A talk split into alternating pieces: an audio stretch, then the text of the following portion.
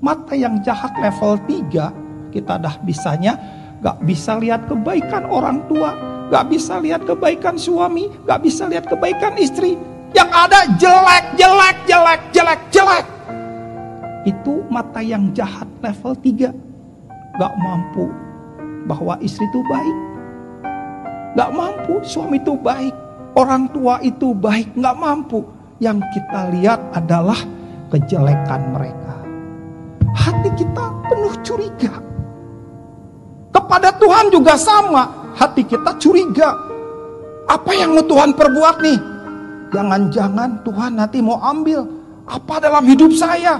Nanti Tuhan akan merusak saya. Tuhan akan melakukan sesuatu. Kenyamanan saya tuh menjadi begitu hancur.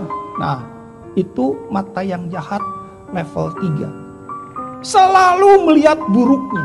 Selalu melihat jeleknya. Dan mata yang jahat level 4 ingin berbuat jahat.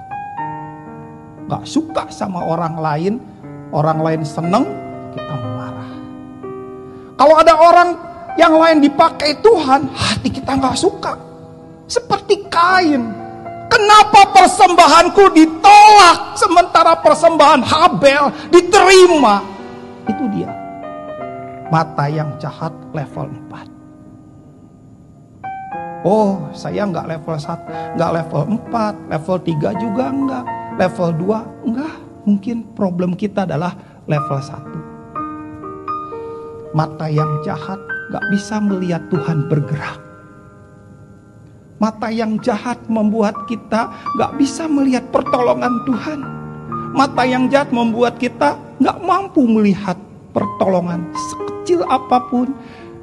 Hal-hal yang sederhana itu pertolongan Tuhan.